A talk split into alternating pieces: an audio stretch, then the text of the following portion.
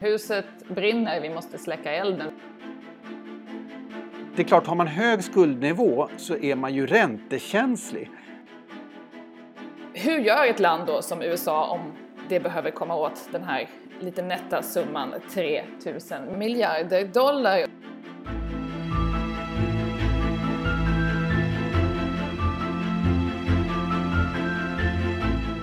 Detta är Molén och Marsall. USA ska låna upp 3000 miljarder dollar under andra kvartalet i år för att finansiera sina krisåtgärder mot pandemin som förstås drabbar landet mycket hårt just nu. 3000 miljarder Klas, kan du ge oss någon form av bild av hur mycket pengar det är? För det är väldigt mycket pengar. Det är väldigt mycket pengar. Det är rekordstor ökning av den amerikanska statsskulden på väldigt kort tid och det är ungefär 15% av eh, BNP kan man säga om man ska bara mm. ge en känsla för det här för det är ganska svårt att, att få känsla just för så stora belopp. Mm. Och bara om vi ska ta det här från början, för vi ska stanna vid det här en liten stund och försöka reda ut det, men om vi tar det från den absoluta början. Hur gör ett land då som USA om det behöver komma åt den här lite nätta summan 3000 miljarder. För det är inte så att man går till banken. Hur går det till? Nej, man går inte till banken. Banken för en stat är ju eh, finansiella marknader och då finns det ju ehm, eh, ett eh, sätt som alla länder använder sig av. Man, man emitterar obligationer eller statsskuldväxlar. Det betyder att investerare som ju både är privata eller så kan det ju vara andra länder som köper som i fallet med USA i väldigt stor omfattning köper då statsobligationer eller statsskuldväxlar och skillnaden mellan dem är egentligen bara hur, lång, hur långa lån det är. Ehm, statsskuldväxlar typiskt då under ett år och annars brukar man säga att det är statsobligationer. Och det, då säljer man det här och då får man in pengar. Så det är på det sättet inget nytt under solen utan det här, så här går det alltid till och det så det går till den här gången också. Men är volymen och den här volymen då på bara tre månader som marknaden måste absorbera. Är det någonting nytt eller finns det något problem med att det är så mycket på så kort tid nu? Nej, det, det, är nytt eh, och det avspeglar ju de här programmen som man har sjösatt mm. redan så att det är ju på det sättet inte, är det inte oväntat utan alla visste ju att det här måste ju lånas upp. Ehm, och eh, då har man ju, USA har ju förmånen att vara reservvaluta. Alla länder, alla stora företag, multinationella företag finansiella institutioner behöver dollar så det finns liksom alltid en grundefterfrågan på dollar och ett bra sätt att ha dollar är att köpa amerikanska statspapper. Men det finns ju också en stor köpare av amerikanska statspapper och det är den amerikanska centralbanken. Mm. Och de har ju ökat sin balansräkning dramatiskt sedan krisen. Vi har ju varit inne på det här. Det gjorde man ju också efter finanskrisen, alltså 2008 och framåt. Men under coronakrisen så har man ökat balansräkningen, alltså köpt obligationer i mycket större omfattning och framförallt snabbare än efter finanskrisen. Man har gått från två, när det gäller statspapper då så hade man en eh, balansräkning med ungefär 2500 eh, dollar, miljarder dollar ska jag säga. Och den har ökat 1500 miljarder dollar. Så att halva det här beloppet har Fed redan köpt kan man säga. Så att, ja. Så att det underlättar ju helt klart. Det underlättar att man, man lånar till sig själv. Ja, det där är ju känsligt alltså, för det är inte så man vill uttrycka det. Då är vi ju inne på det här med monetär finansiering. Men, men absolut, det, Fed har ett öppet program vilket innebär att om de upplever att det där med att låna pengar för staten blir problem eh, och det skulle ju uttryckas då i stigande räntor, ja då kan de bara öka sin, eh, sina köp. Mm. Och vi ser nu just hur länders skuldsättning, inte bara i USA, ökar. Och det har lett förstått till en diskussion om det här, är det här farligt eller inte? Vi svenskar är ju väldigt, måste man väl ändå säga, präglade av 90-talskrisen och den tolkning av den som gjordes av framförallt Göran Persson och den här meningen den som är satt i skuld är inte fri, Prä, måste man väl ändå säga, präglar hela det svenska politiska landskapet och många svenskar ganska mycket. Men ute i världen just nu så är det en ganska avslappnad stämning kring de här stora skulderna, måste man väl ändå säga, eller? Ja, men det, det, är det ju och här får man ju fundera på vad är alternativet? Alltså, om inte regeringar spenderar pengar i det här lä eh, läget då kommer ju ingen göra det. Då kommer hushållen och företagen bli ännu mer oroliga och då går man oundvikligen mot någonting som skulle likna en global depression. Så att eh, det är ganska naturligt kan man säga att eh, regeringar blir liksom Eh, den, ja, spender of last resort kan man säga. Man mm. brukar säga att centralbanker är lender of last resort. Mm. Alltså att när ingen annan kan låna pengar till banksystemet då måste centralbanken göra det. Men i sånt här läge, om regeringar inte skulle spendera då, då, då blir det en oundviklig ekonomisk kollaps. Så att på det sättet är det inte bara förväntat utan nödvändigt att regeringar spenderar pengar. Och det är just det resonemanget som man också hör, att det, man har egentligen inget val och då kanske framförallt i, i USA där man är väldigt hårt drabbad och där det här får väldigt stora effekter på, på hela ekonomin.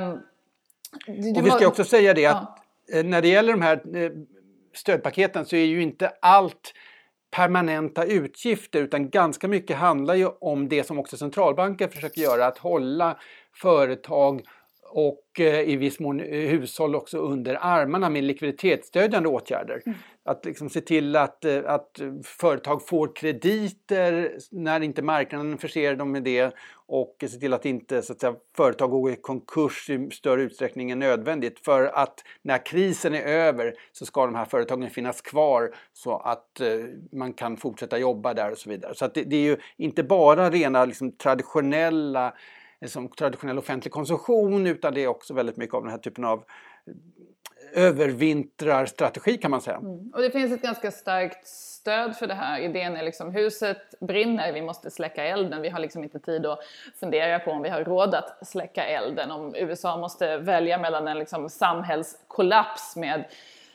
ännu längre köer till till, till folk som behöver mat, som helt enkelt inte kan, kan ställa mat på, på bordet och risk för jag menar, inbördeskrig. Det är, liksom, det är extrema saker som skulle kunna hända om man lät det amerikanska samhället kollapsa så som det faktiskt skulle kunna kollapsa nu.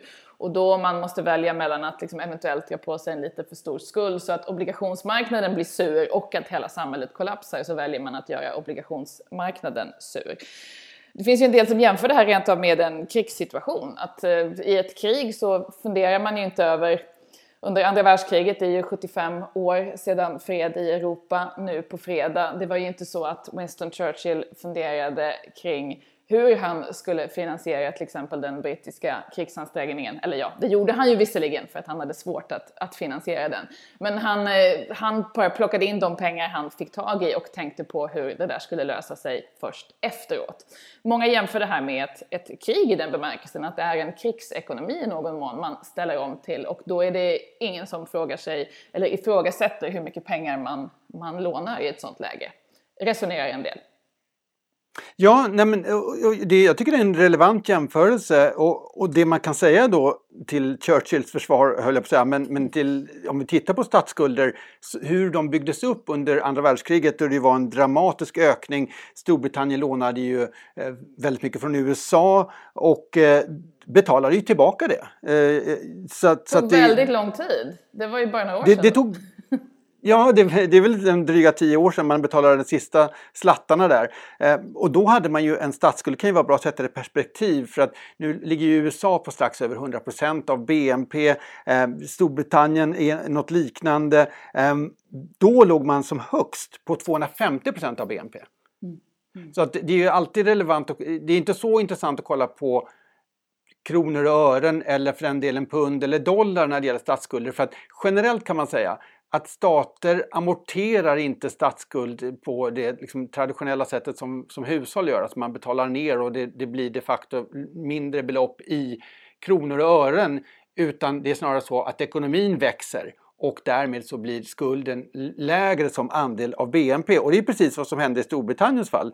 Ehm, ibland så är det också rena amorteringar men ofta så är det, snarare att, det är snarare att ekonomin växer som gör att skulden minskar som andel av BNP och därmed blir mindre problem för skattebetalare. Mm. Och, och eh, därmed gick också skulden i Storbritannien från toppen då efter andra världskriget på omkring 250 procent så var den ju en bra bit under 50 procent som, som lägst under 90-talet. Mm.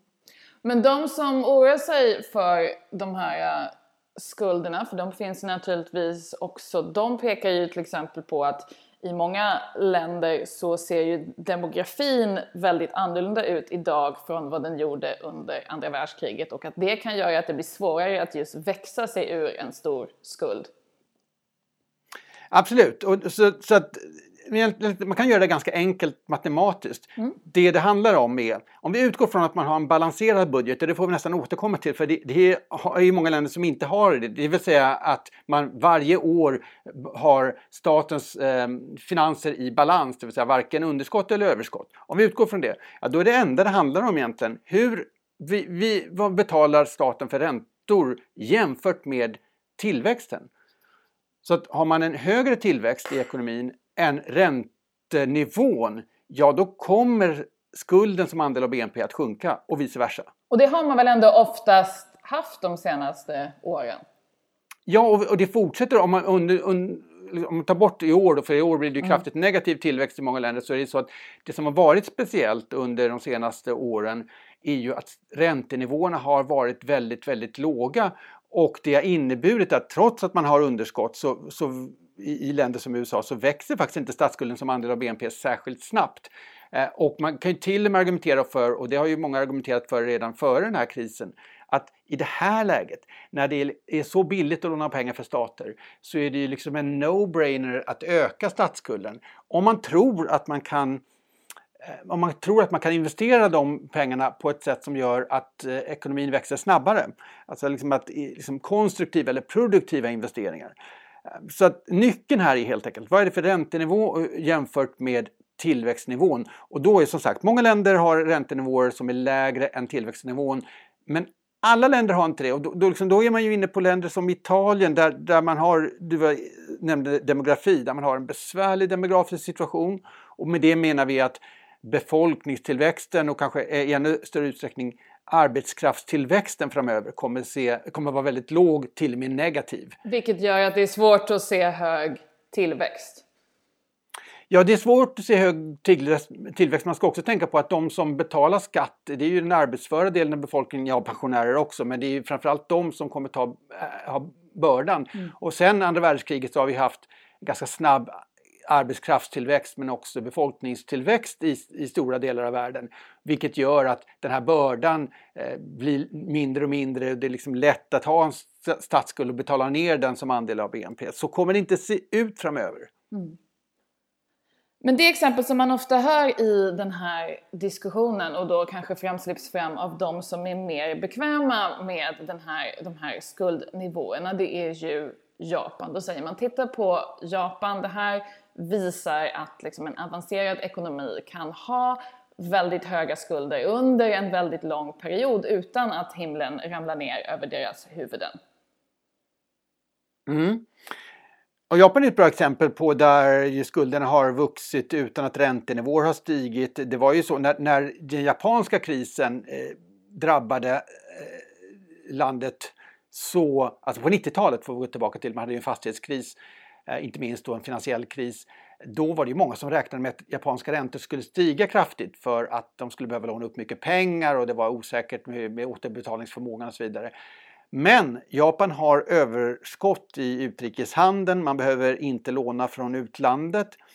Vilket innebär då att man är självfinansierade kan man säga. Så att det är ju i, det är i princip då äh, japanska hushåll som lånar till staten och därmed lånar man ju till sig själv. Um, så att nyckeln är återigen här, hur hållbart det är beror på räntenivån jämfört med tillväxttakten. Nu har Japan låg tillväxttakt men också väldigt låga räntor och haft så väldigt länge. Så att det man kan säga då för att gå tillbaka till liksom den som är skuld är inte fri. Det är klart, har man hög skuldnivå så är man ju räntekänslig. Så är man ett land som USA som eh, lånar utomlands i stor utsträckning, man har, man har underskott i utrikeshandeln, behöver få in kapital för att eh, försörja det ja, om räntorna skulle stiga eller utlänningar skulle bli mindre sugna på att köpa amerikanska statspapper, då blir det ju eh, snabbt mycket dyrare att låna pengar och därmed så blir statsskulden mer av ett problem.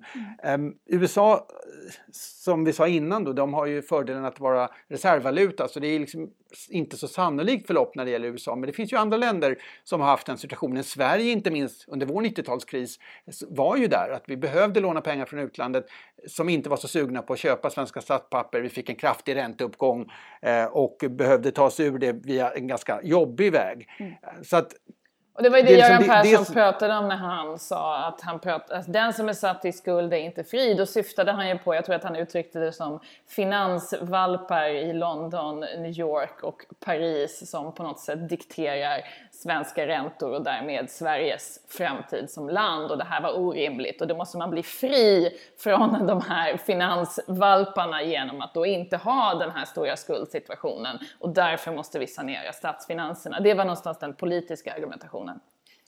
Absolut, och, och man kan säga så här att eh, har man inte behov av utländska pengar om man har sin egen valuta och det där är ju också väldigt, väldigt viktigt då har man ju liksom möjligheten att styra det här lite grann som man önskar. För att du har ju både i, i princip möjlighet att trycka pengar då och låta centralbanken köpa det, även om det där liksom kommer in i det här med monetär finansiering. Eh, men, men du har ju också möjlighet att via lagstiftning tvinga aktörer på marknaden att köpa statsobligationer. Du kan ju tvinga banker till exempel att ni måste ha så här mycket eh, statsobligationer och andra aktörer. Eh, på det sättet så kan man ju liksom hålla nere räntor eh, för staten så att den, de är under tillväxtnivån och därmed se till att statsskulden som andel av BNP sjunker. Mm. Så att det finns ett antal, problemet är om du måste ha utländska pengar och dessutom inte du dessutom inte äger en egen valuta. Alltså, Italien då, eller Grekland under eurokrisen var ju bra exempel på det. Då har man ju väldigt mycket mer problem om man, om man eh, Eh, har en stor statsskuld. Vilket vi också såg. Men om vi ska ta de här argument, argumenten mot de, de, stora skulderna. Vi har varit inne på de två första egentligen. Det här att liksom en, en, stor del av skatteintäkterna då år efter år går till att betala ränta till de här finansvalparna i London, New York och Paris som Göran Persson sa. Och sen att det här, den här räntan också kan, kan gå upp och du får, får stora problem. Det såg vi under eurokrisen, vi såg det i Sverige under 90-talskrisen. Men det finns ju också andra argument mot det här som kanske inte är lika allmänt använda. Ibland kan man ju få höra att det är ett problem att när staten lånar pengar så lånar den just från privat sektor och det här kan leda till att de här pengarna som privat sektor annars hade använt på att investera i ekonomin, nu går man nu lånar ut till staten och det här kan då hota ekonomin och tillväxten. Men det här är väl ganska svårt att se att det här gäller i en lågkonjunktur, även om man tror på det.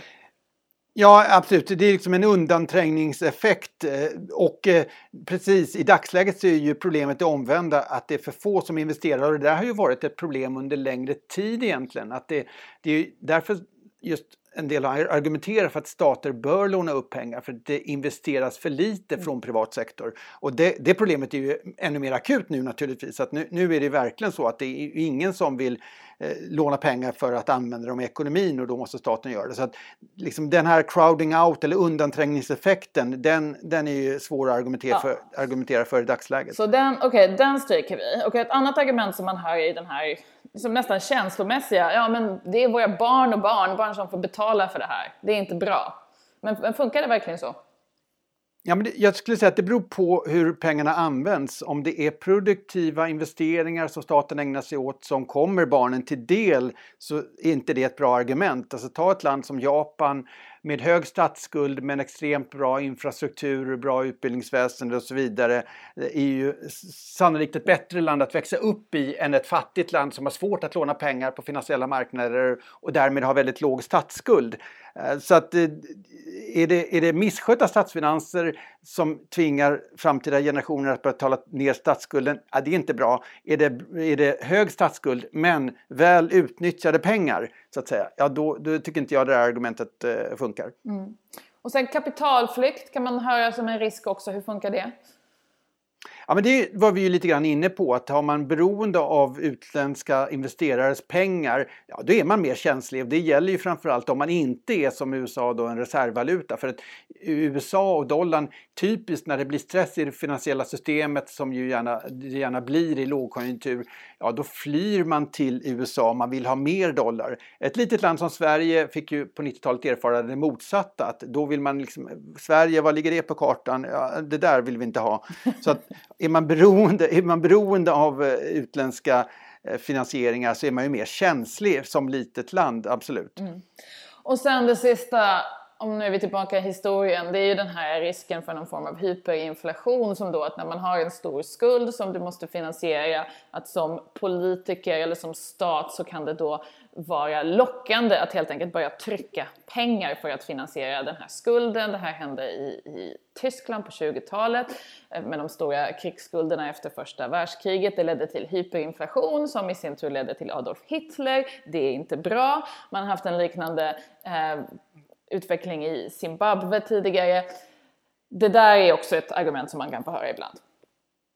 Och det är väl egentligen det eh, mest relevanta i den här situationen, alltså det argument som ju diskuteras, både riskerna med det men också att det skulle vara en väg ut ur det här, eller i alla fall någonting man skulle kunna använda, alltså helikopterpengar. Eh, att här, för att det man vill undvika i den här situationen det är att först lånar man upp mycket pengar och sen så ska man bedriva då en, även om man skulle balansera budgetar för tidigt i många länder så skulle det vara negativt för tillväxten. Så man vill ju bedriva en expansiv finanspolitik under lång tid nu, inte bara i år utan nästa år och kanske ytterligare ett antal år för att se till att eh, man kommer um, till, på fötter rent ekonomiskt.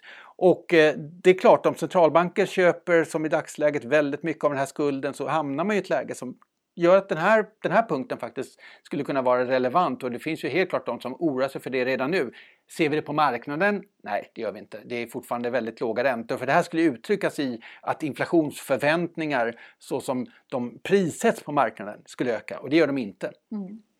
Men om vi ska stanna kvar i den här jämförelsen eller med andra världskriget, det är bisarrt att vi sitter och pratar om det, men det är så debatten går internationellt på många håll och det är ju som sagt 75 år sedan fred i Europa den här veckan. Även om alla de här negativa sakerna, eller nästan alla av de här negativa sakerna skulle inträffa nu för, ja men ta USA till exempel, så finns det ju saker man kan göra och som man också har, har gjort i, i krig. Alltså under andra världskriget så Franklin Delano Roosevelt som ledde USA, han var ju inte särskilt pigg på att skuldsätta sig så mycket utan framförallt så började man ju efter 1942 efter, efter Pearl Harbor med att eh, faktiskt finansiera kriget genom, genom skatter. Det var ju först då som USA fick ett, eh, vad vi skulle kalla för ett skattesystem egentligen. Tidigare var det här något som bara ett fåtal betalade. Man hade 70-procentiga marginalskatter och så vidare. Och något sånt skulle man ju kunna göra igen om USA nu potentiellt skulle få problem med den här stora skulden. Det är bara att beskatta sin egen befolkning. Bara och bara, men det kan man ju faktiskt göra. Skulle man få problem med kapitalflykt, då kan man ju faktiskt sätta in kapitalkontroller. Det brukar man också göra i krig. Och om då inflationen skulle, skulle ta fart i landet så kan man göra något annat som man också brukar göra i krig, det vill säga man inför ransoneringar av olika varor. Det kan vara ett effektivt sätt att hålla inflationen i ordning. Och så försöker man ju ofta göra i krigsekonomier, minska den privata konsumtionen för att inte få inflation eftersom du har en risk för det eftersom när du har väldigt stora statliga investeringar så tenderar du att få full arbetslöshet och då gäller det att se till att det här inte gör att inflationen drar iväg. Och det finns ju mycket tänk kring det här just från andra världskriget. John Maynard Keynes, den stora engelska ekonomen, skrev om det här bland annat. Så att min poäng någonstans är att om man köper argumentet att det här är en helt extrem situation, framförallt för USA, så finns det massa helt extrema grejer man faktiskt kan göra. Staten har massa makt. Absolut, och här tycker jag också man ska komma ihåg att det, det hänger mycket på hur budgetsituationen ser ut. Ett land som Sverige där vi ju på grund av 90-talskrisen har bedrivit en ganska restriktiv eh, budgetpolitik, det vill säga man har ju haft överskottsmål, alltså inte bara balans utan överskott den innebär ju att eh, vi har ganska lätt att balansera den svenska budgeten och även om statsskulden även i Sverige kommer stiga under de närmaste åren så är den fortfarande historiskt låg och den är internationellt låg. Så det är egentligen inget stort problem i Sverige.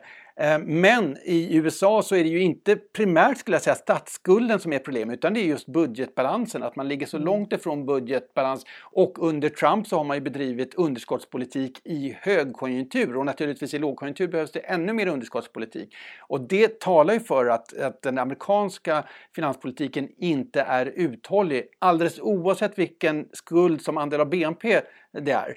Men precis som du är inne på Katrin, det här, man har ju mängder med, med åtgärder och en del används ju. Man har ju också centralbanken som köper statsobligationer. Ehm, men man har ju också så att centralbanken kan ju säga eh, att räntan får inte stiga över en viss nivå. Man sätter ju räntan på på korta pengar, alltså det mm. som är styrräntan hos centralbanken. Men man kan ju säga att en femårig statsobligation får inte eh, handlas över den här nivån i marknaden. Eh, och det gör man ju med trovärdighet då, ett land som USA med Fed skulle kunna göra det. Man har, varit, man har pratat om en sån en sån policy till och med. Eh, och sen har man ju då, som vi var inne på, lagstiftningsvägen. Man kan tvinga aktörer på marknaden att de måste hålla en viss del i statsobligationer, eh, vilket ju underlättar situationen. Men man kommer liksom inte runt i länder som USA att någon gång så behöver man också balansera budgeten och det är ju inte någonting man gör med de här, den här typen av åtgärder utan det måste man också justera utgifter eller intäkter. Mm. Ja, och det är svårt att se vem som kommer göra det den närmsta tiden för det kommer ta tid att, att återhämta sig och då vill man ju förstås inte dra åt och strypa en sån återhämtning. Så att, ja, komplicerat. Men tidigare, så, så, apropå statsskulden, är statsskulden i sig ett problem? Så ett sånt här mantra som man kunde höra tidigare var ju det här att om länder med skulder på mer än 90% av BNP, över 90% var dåligt för att då började skulden skada ett lands tillväxt. Det här var ju ett politiskt argument som man hörde ganska ofta tidigare och det kom ju från en berömd studie av två ekonomer, Kenneth Rogoff och Carmen Reinhardt som hade tittat på det här historiskt och kommit fram till till att skuldnivåer över 90 då börjar du få problem för tillväxten. Men sen så visade det sig ju att deras resultat helt, eller eh, inte helt, men de var deras resultat var ett resultat av att de hade räknat fel i Excel. Eh, en stor ekonomskandal, det här uppdagades av en, en doktorand tror jag och den här doktrinen, den här siffran 90% av BNP, den, eh, ja, den hör man inte så ofta längre. Nej, det var ju, eh, det var ju, det var ju eh, trist naturligtvis eftersom det uppmärksammades väldigt, väldigt mycket, inte minst under eurokrisen. Så att en stor nesa för de här två väldigt eh, ansedda forskarna får man ju ändå säga. Eh, och just Rogoff har ju varit ute i veckan igen eh, och eh, pratar då om negativa räntor från centralbanker. Att istället för att göra det här man gör just nu, eller i alla fall eh, att komplettera det. Just nu använder man ju finanspolitiken och centralbankspolitiken naturligtvis. Men det blir fortfarande så att man använder statsskulden väldigt mycket för att eh, hjälpa ekonomin. Så tycker han att vänta nu här, vi använder ju inte centralbankens vanliga verktyg i den utsträckning som man kan, alltså räntenivån. Han vill ju då se, vi pratade i förra veckan om Riksbanken, att man inte gick tillbaka till negativa räntor. Men Rogoff pratar ju om att man ska sänka räntan till åtminstone minus 3% Riksbanken var ju som lägst på minus en halv procent. Eh, och det här är ju eh, Rogoff gör ju mycket, han, har skrivit, han skrev en bok om, om det här för några år sedan som handlar just om eh, kontanters förbannelse, att liksom man bör man bör göra sig av med kontanter i ekonomier för att det begränsar bland annat då centralbankens möjligheter att stimulera ekonomin. Ja precis, för, för att, att om, ska... om, bara man ska dra det, alltså hans resonemang ju att i den boken är ju att Problemet, du kan sätta räntan på minus men risken då är att eftersom om du sätter de här pengarna på ett bankkonto så får du mindre pengar, då kommer du spara dem i madrassen istället. Men om det inte finns några fysiska pengar att spara i madrassen, då kan du ha negativa räntor utan större problem. En väldig förenkling av hans argumentation men Ungefär. Absolut, och han, han går ju igenom vad man behöver vidta för åtgärder innan man sänker räntan så dramatiskt. Man måste ju se till just att det inte blir det här, alltså bankruns, att alla tar ut pengar från banken och, skapar, och så får man finansiellt problem. Eh, han tycker att alla de här åtgärderna är är ganska enkla inom citationstecken att genomföra han har ju en rätt extrem åsikt i det här fallet kan man säga. Det är inte så många som håller med honom. Fed, och det är, be, beklagar sig över, Fed har ju sagt att det inte är aktuellt att överhuvudtaget liksom un, undersöka möjligheten att sänka räntan under noll. Men, eh, men det, det är han menar just då att istället för att belasta framtida generationer eh, så ska vi använda oss av räntevapnet som är inom citationstecken billigt och se till att marknaden då, givet räntenivån så kommer marknaden lösa det här istället för att man får det här lite mer ska vi kalla det planekonomiska som ju blir fallet när regeringar ska se okay, hur, ska vi, hur ska vi hjälpa ekonomin, vilka företag ska överleva? För han menar ju att visst, en sak om det här pågår, den här krisen pågår under ganska kort tid, ja då, då kommer det inte bli något större problem. Om det här blir utdraget, alltså vi får liksom restriktioner när det gäller Eh, näringsverksamhet och rörelsefrihet för hushåll och så vidare som pågår under, under ett år. Ja, hur, hur länge kan man då liksom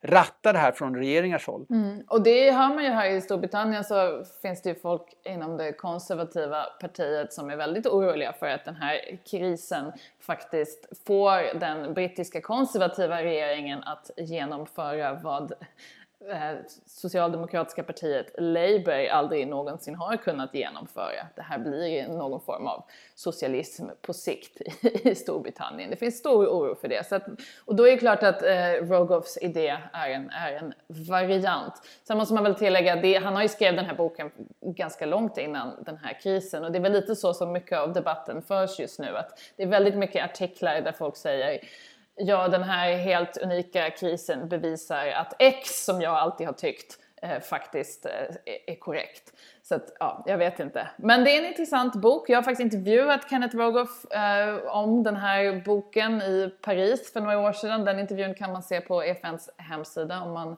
går in och söker på Rogoff. Men vi har pratat mycket om underskott och skulder. Det finns ju också överskott. Um, det har visat sig att det finns ett väldigt stort överskott av potatis och kött i Europa. Har du hört det Claes? Nej, det, det har jag inte snappat upp. vi, har ju, vi pratade i förra veckan om överskottet på vin i Europa som då är ett resultat av de stängda restaurangerna. Men nu kommer också uppmaningar till européerna att vi måste börja äta pommes frites minst två gånger i veckan och samma sak gällande vissa typer av nötkött och kött. Och det här har att göra med att just restaurangerna är stängda, efterfrågan på köttfärs och sånt som man kanske står och lagar hemma ökar men däremot andra delar av djuret riskerar att gå till spillo om man inte gör sin patriotiska plikt och äter mer oxfilé. Uh, ja, så det är helt enkelt vad vi uppmanas till 2020. Sitta hemma i soffan och käka pommes frites för Europa. Hur låter det Claes? Ja, men då måste man väl undervisa också hushållen i hur det där ska tillagas om det är problemet att de bara kan, kan eh, laga köttfärs. Att de bara kan laga köttfärs. Så att, ja. Uh, stora underskott i statsfinanserna, överskott på oxfilé och pommes frites. Det här är onekligen speciella ekonomiska tider. Du har lyssnat på Molén och Marsall. Jag heter Katrin Marsall. Och jag heter Claes Molén.